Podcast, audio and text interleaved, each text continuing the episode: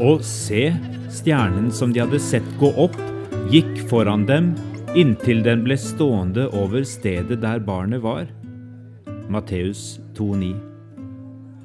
Det var ikke helt lett å forstå alt disse lærde mennene fra Østen sa, for de snakket svært gebrokkent, sa Maria. Men jeg skjønte såpass som at de var veldig flinke til å lese stjernehimmelen. De fulgte gamle tradisjoner som tilsa at når en stjerne viste seg på en ny måte på himmelen, da var det et tegn på at en konge var født.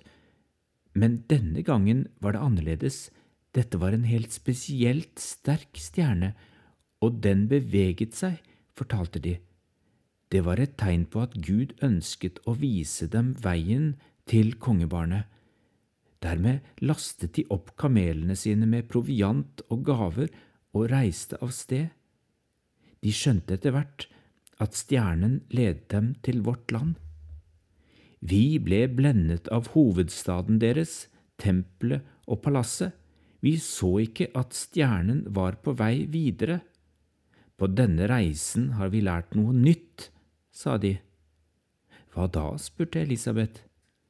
De hadde lært at den visdom de hadde med seg fra Østen, var nyttig til mye, men den ledet dem bare et stykke på vei. De trengte å bli kjent med Guds ord for å tolke tegnene og finne barnet. Ja, nikket Elisabeth.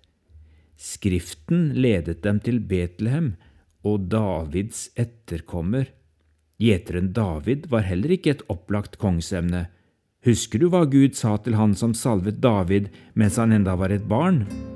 Her gjelder ikke det som mennesker ser, for mennesker ser det som øynene ser, men Herren ser på hjertet.